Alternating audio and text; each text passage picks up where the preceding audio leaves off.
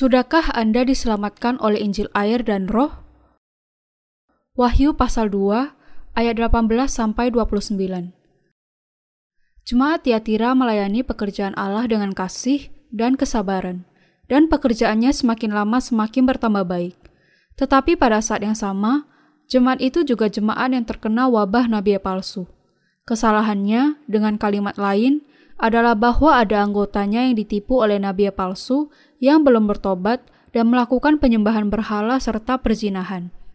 Tuhan kemudian menuntut kepada jemaat Tiatira supaya mereka bertobat dan berpegang kepada iman mereka yang semula sampai kepada akhirnya. Tuhan juga berjanji bahwa mereka yang mempertahankan iman mereka sampai akhir akan diberinya kuasa atas bangsa-bangsa dan bintang timur. Baal Izebel Izebel adalah seorang imam bangsa lain yang membawa dewa kekafirannya Baal ke Israel ketika ia menjadi istri Raja Ahab. Satu Raja-Raja pasal 16 ayat 31. Baal adalah dewa kekafiran untuk menyembah matahari, dewa bangsa Venesia yang disembah oleh manusia dengan tujuan untuk mendapatkan kekayaan.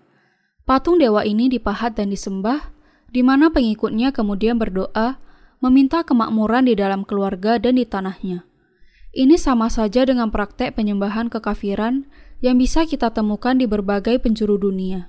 Sebagai contoh, memuja batu yang besar sebagai sesuatu yang ilahi dan menyembahnya sebagai dewa adalah praktek yang umum dilakukan orang kafir yang menyembah unsur-unsur alam.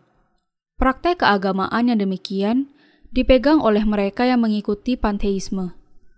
Dengan diperkenalkannya agama kafir ini oleh Isabel, Baal menjadi dewa besar dalam praktek penyembahan berhala bagi bangsa Israel.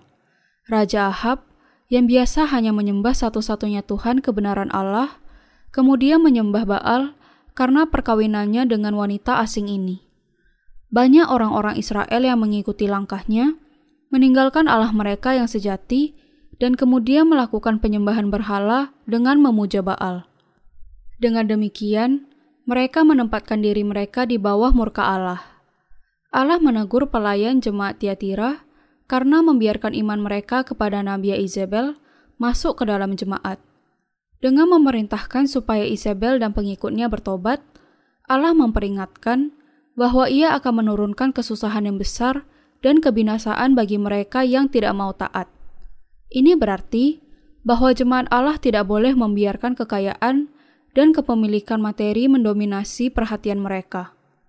Ini berarti bahwa orang percaya zaman ini tidak boleh menyembah dunia sebagai dewa mereka, seperti bangsa Israel menyembah Baal, dewa matahari, untuk mendapatkan kesuburan dan kemakmuran. 3 Yohanes pasal 1 ayat 2 mengatakan, Saudaraku yang kekasih, aku berdoa, semoga engkau baik-baik dan sehat-sehat saja dalam segala sesuatu, sama seperti jiwamu baik-baik saja. Ketika kita memandang kepada iman Rasul Yohanes, kita melihat bahwa perhatiannya yang pertama adalah mengenai kemakmuran jiwa. Kemakmuran dalam segala hal yang lain mengikuti, bukan mendahului, perhatian Yohanes bagi kemakmuran jiwa. Bagaimana kemudian iman yang seperti ini berubah di dunia sekarang ini? Iman itu sudah dicemari oleh iman yang hanya mencari berkat-berkat daging, meletakkan kemakmuran dunia, mendahului iman dan meremehkan semua perhatian untuk kebaikan rohani. Banyak orang percaya kepada Yesus bukan untuk memperkaya jiwa mereka, tetapi hanya untuk memperkaya dagingnya terlebih dahulu. Ada banyak sekte keagamaan di sekitar kita yang sama beracunnya dengan racun yang mengatakan bisa memberikan kekayaan dan kesehatan kepada para pengikutnya sebagai balasan untuk penyembahan mereka. Penyembah Baal oleh Isabel seperti itu. Orang-orang mengikuti sekte yang demikian hanya untuk mengejar kemakmuran dan kesuburan daging mereka sendiri. Di gereja dilahirkan kembali zaman ini, ada beberapa yang mungkin berusaha menampung iman Isabel untuk mengembangkan anggota mereka. Tetapi pemikiran seperti itu adalah sama dengan meletakkan patung berhala di dalam bait Allah. Isabel membawa patung kekafiran Baal bukan hanya ke Israel, tetapi juga bahkan ke dalam bait Allah. Iman yang begini mengejar kemakmuran daging dan keuntungan dunia sementara, pada saat yang sama tidak melalaikan pengampunan dosa di dalam Yesus itu, sama salahnya dengan penyembahan berhala tepat di hadapan mata Allah sendiri.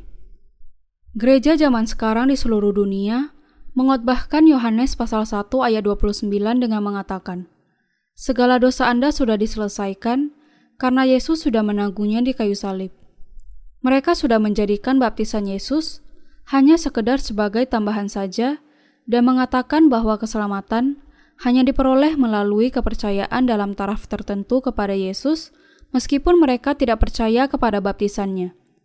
Tetapi baptisan yang diterima Kristus dari Yohanes bukanlah sekedar pilihan yang bisa dengan bebas kita masukkan ke dalam iman atau tidak. Memperlakukan dan mengajarkan baptisan Yesus hanya sekedar sebagai tambahan Injil itu saja, sama dengan memuja Baal. Mengapa kemudian orang-orang ini memberitakan Injil tanpa baptisan Yesus? Hal itu karena pengharapan mereka tidak ditemukan di dalam kerajaan Allah, tetapi di dalam kekayaan dunia ini. Orang-orang dengan iman yang seperti itu tepat sama dengan mereka yang menyembah dewa kekafiran Baal. Mereka yang semula percaya kepada Injil air dan roh sebelumnya, tetapi sekarang hanya mewartakan darah di kayu salib, harus menyadari bahwa mereka melakukan dosa yang sangat besar yang sama dengan penyembahan kepada dewa Baal. Tidak ada seorang pun yang bisa melayani dengan benar dengan menetapkan tujuannya kepada keuntungan dunia ini. Kalau pendeta meninggalkan baptisan Yesus dan hanya mengotbahkan mengenai darahnya di kayu salib, mereka mungkin bisa mendapatkan keuntungan dunia di bumi ini. Tetapi mereka harus menyadari bahwa iman yang begitu bukanlah iman yang benar dan khotbah yang demikian bukanlah khotbah yang benar. Dengan melihat kepada kitab Wahyu, kita bisa melihat bahwa para pemimpin jemaat Tiatira menyembah Baal di dalam jemaatnya sama seperti Isabel menyembah Baal. Kalau orang tidak percaya kepada Injil air dan roh, maka roh kudus tidak bisa berdiam atau bekerja di dalam hati mereka. Seperti yang dikatakan Rasul Paulus, orang yang tidak memiliki roh Kristus bukanlah miliknya. Kedudukan seseorang menjadi anak Allah atau bukan ditentukan oleh apakah dia memiliki Roh Kristus di dalam hati atau tidak. Alkitab mengatakan bahwa mereka yang tidak memiliki Roh Kristus akan dibuang. Mereka yang mengenal dan memberitakan baptisan Yesus. Ketika seseorang percaya kepada baptisan air Yesus, yang dengannya dia menanggung segala dosa dunia ke atas dirinya, dan di dalam darahnya di kayu salib, maka Roh Kudus bisa berdiam di dalam hatinya. Tetapi kalau seseorang tidak percaya kepada Injil air dan Roh, maka bahkan sekalipun ia menjadi martir bagi Yesus, ini bukanlah kemartiran yang benar dan hanya menegakkan kebenaran mereka sendiri.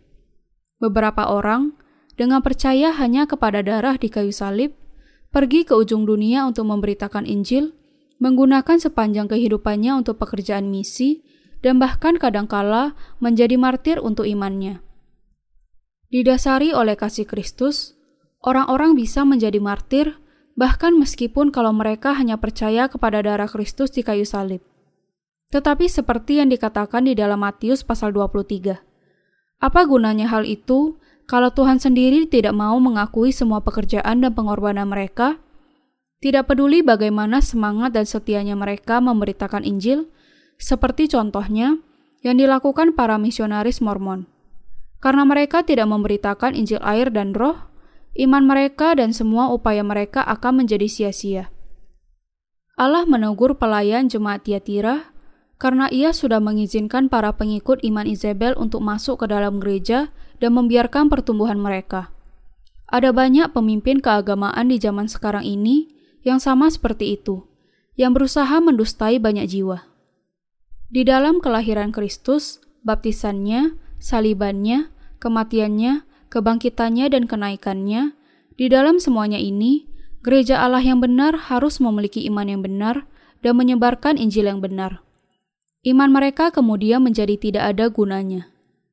Pengajaran nabi palsu bahwa supaya mereka diselamatkan sudah cukup hanya dengan percaya kepada darah Kristus di kayu salib tanpa menyadari kepentingan baptisannya.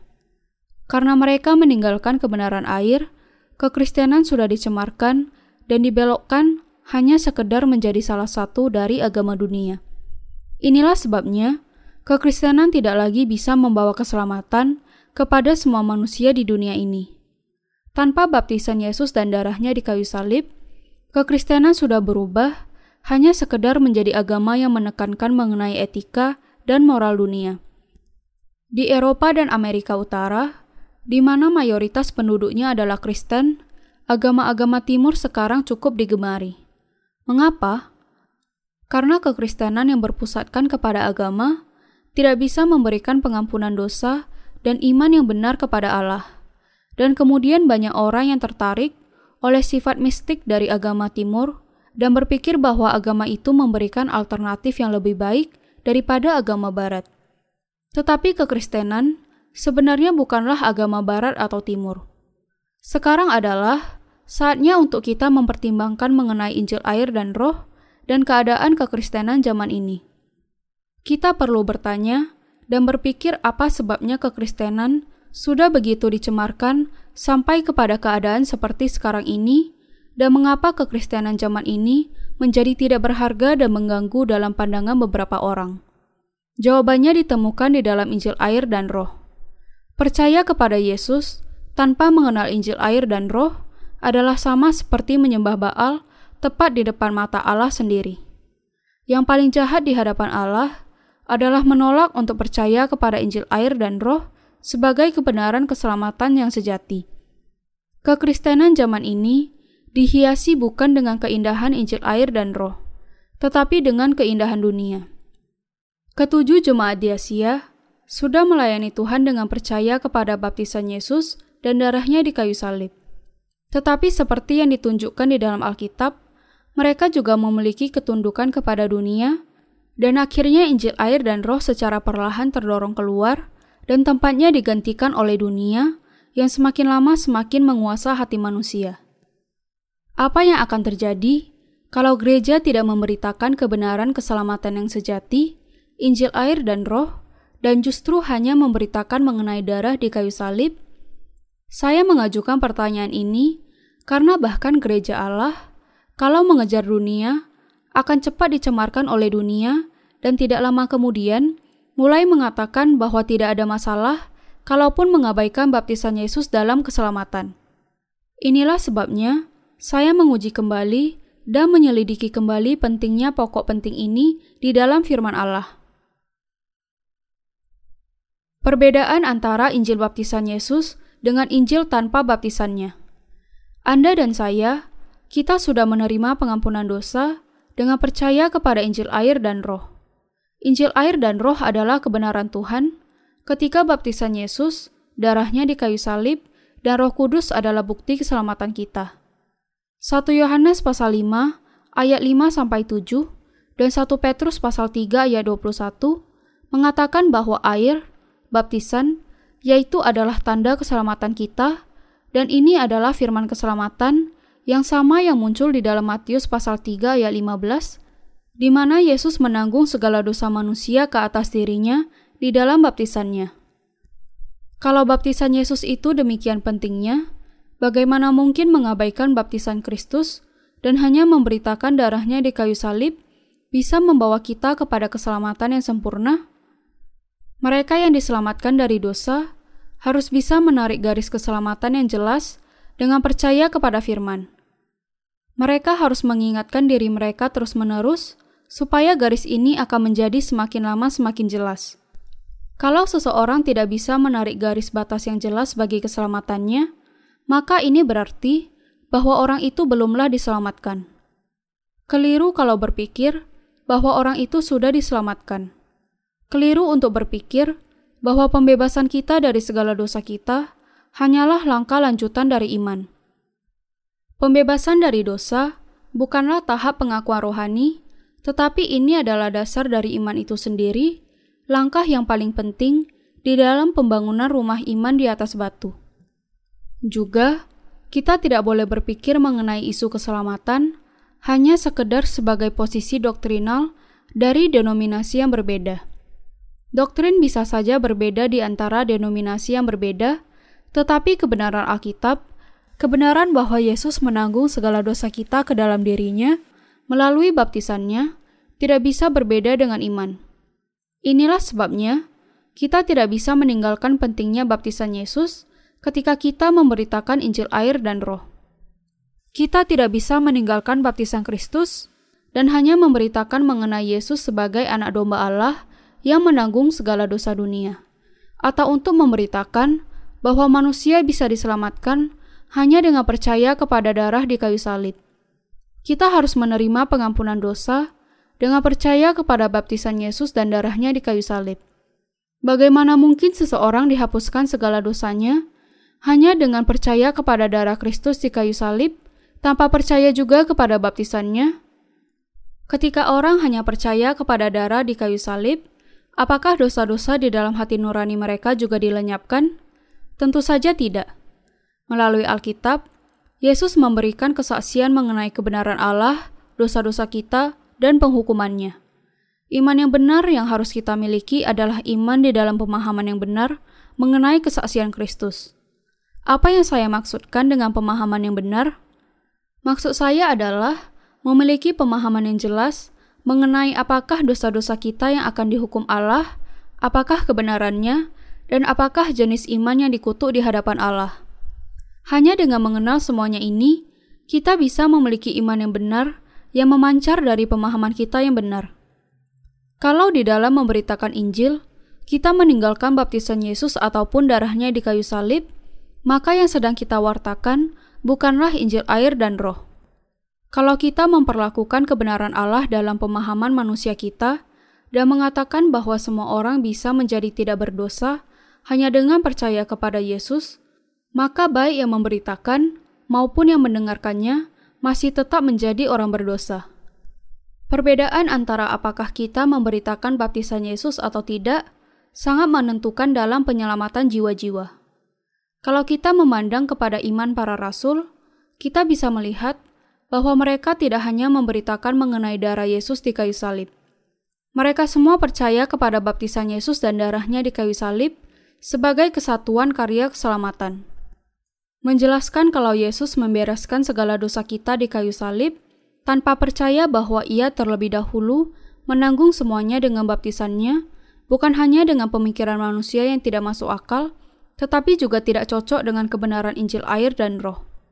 Mereka yang percaya kepada Injil, yang hanya berisi setengah seperti itu, tidak akan bisa dibebaskan dari dosa-dosa mereka. Pekerjaan para pemberita Injil dari pandangan Alkitab, para perantara rohani adalah mereka yang memberitakan Injil air dan roh. Perantara bagi keselamatan rohani harus menghubungkan antara Tuhan dengan mempelai wanitanya. Hal yang pertama yang harus dilakukan adalah memberitakan kepada orang-orang berdosa apa yang sudah Tuhan lakukan bagi mereka. Mereka harus mengajar orang-orang itu bahwa Yesus dibaptiskan untuk menanggung segala dosa mereka ke atas dirinya dan bahwa ia dihukum bagi segala dosa itu di kayu salib. Mereka juga harus membedakan dengan benar apakah mempelai wanitanya sudah sungguh-sungguh percaya atau tidak, dan kalau mempelai wanita itu sudah sungguh-sungguh percaya, maka tugas perantara itu sudah semuanya beres. Untuk bisa melakukan hal itu, sangat penting bagi perantara untuk menjelaskan kepada mempelai wanita siapakah mempelai prianya dan apa yang sudah dilakukannya untuk mereka sehingga mempelai wanita itu bisa dengan mudah memahaminya. Kalau hati mempelai wanita itu sudah menyadari apa yang sudah dilakukan mempelai pria itu untuk mereka, maka perantara itu harus mengajarkan kepada mereka kenyataan bahwa mempelai pria itu sudah menanggung segala dosa mereka dengan air dan darahnya. Ketika mempelai wanita itu kemudian menerima segala sesuatu yang dilakukan mempelai pria itu untuk mereka, maka mereka menjadi dan disebut sebagai mempelai wanita Kristus. Mereka yang sudah menjadi mempelai wanita Yesus Kristus harus menyadari bahwa mempelai pria sudah membawa tebusan Injil air dan roh. Mereka harus menyadari bahwa untuk menjadikan mereka menjadi miliknya, mempelai pria sudah membersihkan segala dosa mereka dengan air dan darahnya, menjadikan mereka seputih salju, dan menerima mereka sebagai mempelai wanitanya. Hanya dengan itu, mempelai wanita menghargai dan menerima mempelai pria itu untuk selamanya. Mereka yang sudah menerima pengampunan dosa adalah orang-orang benar. Orang-orang benar tidak memiliki dosa dan yang tidak memiliki dosa adalah mempelai wanita Yesus Kristus. Ketika mempelai wanita memiliki iman yang demikian, mereka bisa menikah dengan mempelai pria, dan mempelai pria bisa menerima mereka ke dalam tangannya. Dengan demikian, hanya ketika perantara rohani itu menyiapkan mempelai wanita dengan firman kebenaran, mereka bisa berhasil mengatur jalannya pernikahan itu. Supaya berhasil, perantara keselamatan rohani harus tahu mempelai wanita yang bagaimana yang dikehendaki oleh mempelai pria. Yesus mempelai pria kita tidak memiliki dosa. Ia kudus. Inilah sebabnya Yesus menghendaki mempelai wanita yang tidak berdosa tanpa cacat. Dan inilah sebabnya perantara itu memakai karya mempelai pria itu untuk membersihkan dan mendandani mempelai wanita. Dandanan dari mempelai wanita ini berarti bahwa mereka akan dibawa ke hadapan mempelai pria hanya setelah dosa-dosa mereka sepenuhnya dibasuh dengan Injil air dan roh yang digenapi oleh mempelai pria. Kalau mereka dibawa kepadanya, ketika dosa-dosa mereka baru setengah dibasuh, mempelai pria tidak akan menerima mereka karena ia menghendaki mempelai wanitanya sepenuhnya tidak memiliki dosa. Para hamba Allah yang memainkan peranan ini adalah para perantara bagi keselamatan rohani. Para hamba Allah dengan demikian harus senantiasa mempersiapkan mempelai wanita itu untuk keselamatan rohani mereka. Pada saat yang sama, kita juga harus menyadari bahwa di dalam kekristenan zaman ini ada banyak perantara yang hanya mengeksploitasi dan memanfaatkan hanya untuk keuntungan materi di mana-mana. Para perantara yang ini akan dihukum oleh Yesus Kristus dan juga oleh mempelai wanita yang ditolak. Kita tidak boleh menjadi perantara kedagingan mengenal dalamnya iblis. Bahkan di antara para hamba Allah dan umatnya, ada banyak yang tidak mengenal dalamnya tipu daya iblis. Ada banyak dengan kata lain yang tidak menyadari bagaimana kerasnya iblis berusaha untuk menjatuhkan kita. Terlalu banyak hamba Allah yang gagal untuk menyadari bagaimana iblis sudah mengubah dan mencemari Injil air dan roh, dan bagaimana ia sudah mendustai orang-orang percaya supaya mereka mengikuti iman yang keliru darinya. Sebagai akibatnya, banyak orang yang percaya kepada Yesus akhirnya percaya kepada Injil yang palsu dan bukannya Injil air dan roh yang sejati. Dan jiwa mereka bertentangan dengan kehendak Allah juga sudah dibinasakan. Allah mengatakan kepada kita, Jangan mengikuti doktrin dari Isabel. Percaya dan wartakan dengan teguh Injil air dan roh milikmu sampai kedatanganku kembali. Aku kemudian akan memberikan kepadamu kuasa atas bangsa-bangsa. Tetapi mereka yang didustai oleh iman Isabel, dikatakan oleh Allah akan dibuang ke dalam kesusahan dan menempa mereka kembali. Ketika saat kedatangan Kristus datang lagi, kita akan melihat mereka yang sudah percaya dan mewartakan keselamatan hanya melalui darah Yesus mengkhianati iman mereka. Mereka adalah orang-orang yang cenderung membanggakan iman mereka, selalu merasa lebih hebat dibandingkan dengan orang-orang yang berbeda dengan mereka. Tetapi Allah membedakan dan membagi antara iman mereka dan iman orang-orang yang percaya kepada Injil air dan roh. Dan barang siapa menang dan melakukan pekerjaanku sampai kesudahannya, kepadanya akan kukaruniakan kuasa atas bangsa-bangsa. Dan ia akan memerintah mereka dengan tongkat besi, mereka akan diremukkan seperti tembikar tukang periuk, sama seperti yang kuterima dari Bapakku. Ketika Tuhan kita kembali ke dunia ini, akan ada banyak orang Kristen yang akan bertemu Tuhan sebelum mereka dilahirkan kembali. Karena mereka tidak percaya kepada Injil air dan roh, mereka akan bertemu Tuhan dengan masih ada dosa di dalam hati mereka. Tetapi orang-orang yang hatinya sudah diampuni dari dosa-dosa mereka, dengan percaya kepada Injil air dan roh, sebaliknya akan diubahkan oleh kedatangan Tuhan dan memerintah bersama dengan dia. Seperti yang dikatakan di sini, Kuasa dari Tuhan dan umatnya adalah seperti tongkat besi yang meremukkan tembikar tukang periuk. Allah pasti akan memberikan kuasa atas bangsa-bangsa kepada mereka yang mempertahankan iman kepada Injil air dan roh sampai akhirnya. Tuhan kita mengatakan bahwa kuasa ini sama dengan kuasa yang diterimanya dari Bapaknya. Kita harus melawan dan menang atas nabi palsu seperti Isabel atau Bileam, sehingga kita akan memerintah sampai kekal dengan kuasa atas bangsa-bangsa yang akan diberikan Tuhan kepada kita. Kejelasan keselamatan kebenaran. Untuk menyelamatkan orang berdosa, Tuhan sudah datang ke dunia ini dan untuk menanggung segala dosa manusia ke atas dirinya, ia harus dibaptiskan oleh Yohanes. Karena Tuhan dibaptiskan untuk menanggung segala dosa kita, ia bisa membawa semua dosa itu ke kayu salib, mati untuk dosa-dosa itu, dan bangkit kembali dari kematian. Ia sudah melakukan tindakan kebenaran bagi kita, karena ia tidak bisa tahan lagi melihat manusia yang senantiasa melakukan dan bergumul atas dosa-dosa mereka. Injil air dan roh adalah kebenaran yang akan membebaskan Anda dari segala dosa Anda. Dan Tuhan kita bisa menjadi juru selamat bagi semua yang percaya kepada Injil air dan roh. Karena Tuhan kita sudah dibaptiskan oleh Yohanes, ia bisa menghasilkan buah dan hasil yang luar biasa yang disaksikan di dalam Yohanes pasal 1 ayat 29 dan Yohanes pasal 19 ayat 30. Lihatlah anak domba Allah yang menghapus dosa dunia, dan sudah selesai. Mereka yang memiliki keyakinan akan penebusan mereka melalui firman Allah bisa memiliki iman yang kuat di dalam Dia karena mereka tahu bahwa Yesus membereskan semua dosa-dosa mereka melalui baptisannya. Kita harus dengan tulus memperhatikan hati kita sendiri karena kita tidak percaya kepada Injil air dan Roh dosa-dosa kita akan tetap ada di dalam hati kita. Ketika kita memperhatikan dengan seksama apa yang ada di dalam hati orang-orang yang mengabaikan baptisan Yesus dan hanya percaya kepada darahnya di kayu salib, kita melihat keberadaan dosa di dalam hati mereka tidak bisa disangkali. Kita harus memperhatikan secara seksama kepada baptisan Yesus oleh Yohanes Pembaptis dan percaya kepada hal itu dengan lebih kuat lagi, karena kita tidak boleh menambahkan atau menyisipkan pemikiran kita ke dalam firman Allah. Kita semua harus melawan Injil palsu itu, karena hal itu bisa menghancurkan iman mereka yang percaya kepada Injil air dan roh. Yesus sendiri pernah mengatakan kepada kita, Waspadalah akan ragi orang Farisi. Ragi di sini bukan menunjuk kepada yang biasa digunakan untuk membuat minuman atau membuat kue, tetapi Injil yang tidak mengandung baptisan Yesus.